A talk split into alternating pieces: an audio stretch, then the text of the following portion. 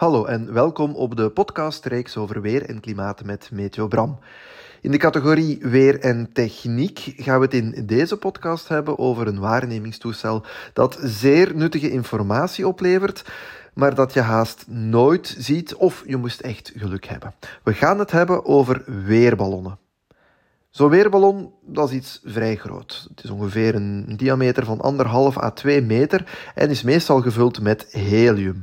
Nu alleen zo'n ballon laten vliegen zou ons weinig of geen informatie opleveren. Daarom hangen we onder zo'n weerballon een kleine parachute met daaronder dan een radiosonde. Dat is een soort van waarnemingsdoosje met aan boord verschillende meetinstrumenten. Het geheel wordt gelanceerd, of in feite wordt het gewoon losgelaten. En het zal niet alleen stijgen, maar het zal ook meegevoerd worden door de wind. Waar naartoe? Tja, dat weten we niet op voorhand. Hè. Dat gaan we nu net meten. En tot hoe hoog zal die weerballon gaan?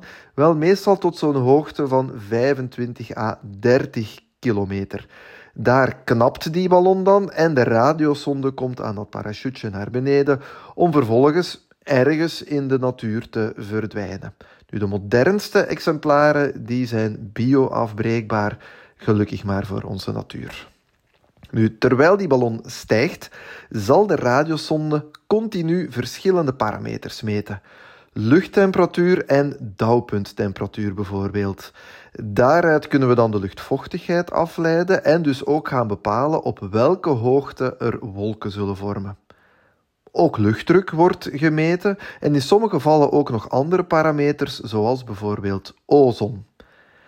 Die radiosonde die stuurt continu die metingen door via radiosignalen naar het grondstation. En daar wordt dan alles geregistreerd en daar wordt uiteindelijk ook een eindresultaat, zowel cijfermatig als grafisch samengesteld. En op die manier krijgen we dus een verticaal temperatuur- en drukprofiel van de lucht boven ons en dat tot op een hoogte van ongeveer 30 kilometer. Meestal wordt zo'n radiosonde ook gevolgd via GPS-signaal. Hierdoor weten we dus de exacte locatie op elk moment en kunnen we ook gaan meten hoe snel en in welke richting die sonde afgedreven wordt door de wind en dus wat de windsnelheid en windrichting is op verschillende hoogtes. Zo krijgen we niet alleen een verticaal temperatuurprofiel van de lucht boven ons, maar ook een verticaal windprofiel, wat zeer nuttige informatie is voor het bepalen in welke richting wolken bijvoorbeeld zich zullen verplaatsen en aan welke snelheid. Maar ook voor ballonvaarders bijvoorbeeld is dat zeer nuttige informatie, want zij gebruiken die wind op verschillende hoogtes om te kunnen sturen. Deze waargenomen verticale profielen die worden ook in weercomputers gepompt en die gaan dan een voorspeld verticaal profiel berekenen. Deze worden dagelijks gebruikt door meteorologen en zijn zeer handig. Zeer nuttig instrument dus ook zo'n weerballon met een radiosonde. Wereldwijd zijn er zo'n 1300 meetstations die radiosondes lanceren. Sommige worden nog manueel bediend. Een persoon moet dus die ballon opblazen met helium, die sonde klaarmaken en lanceren. Maar er zijn de laatste tijd ook heel wat uh, stations die vol automatisch werken. In de Alpen bijvoorbeeld heb ik ooit eens uh, van op een skilift per ongeluk zo'n automatische lancering meegemaakt. Plots zag ik een deksel van een soort grote ton opengaan en de weerballon die vertrok.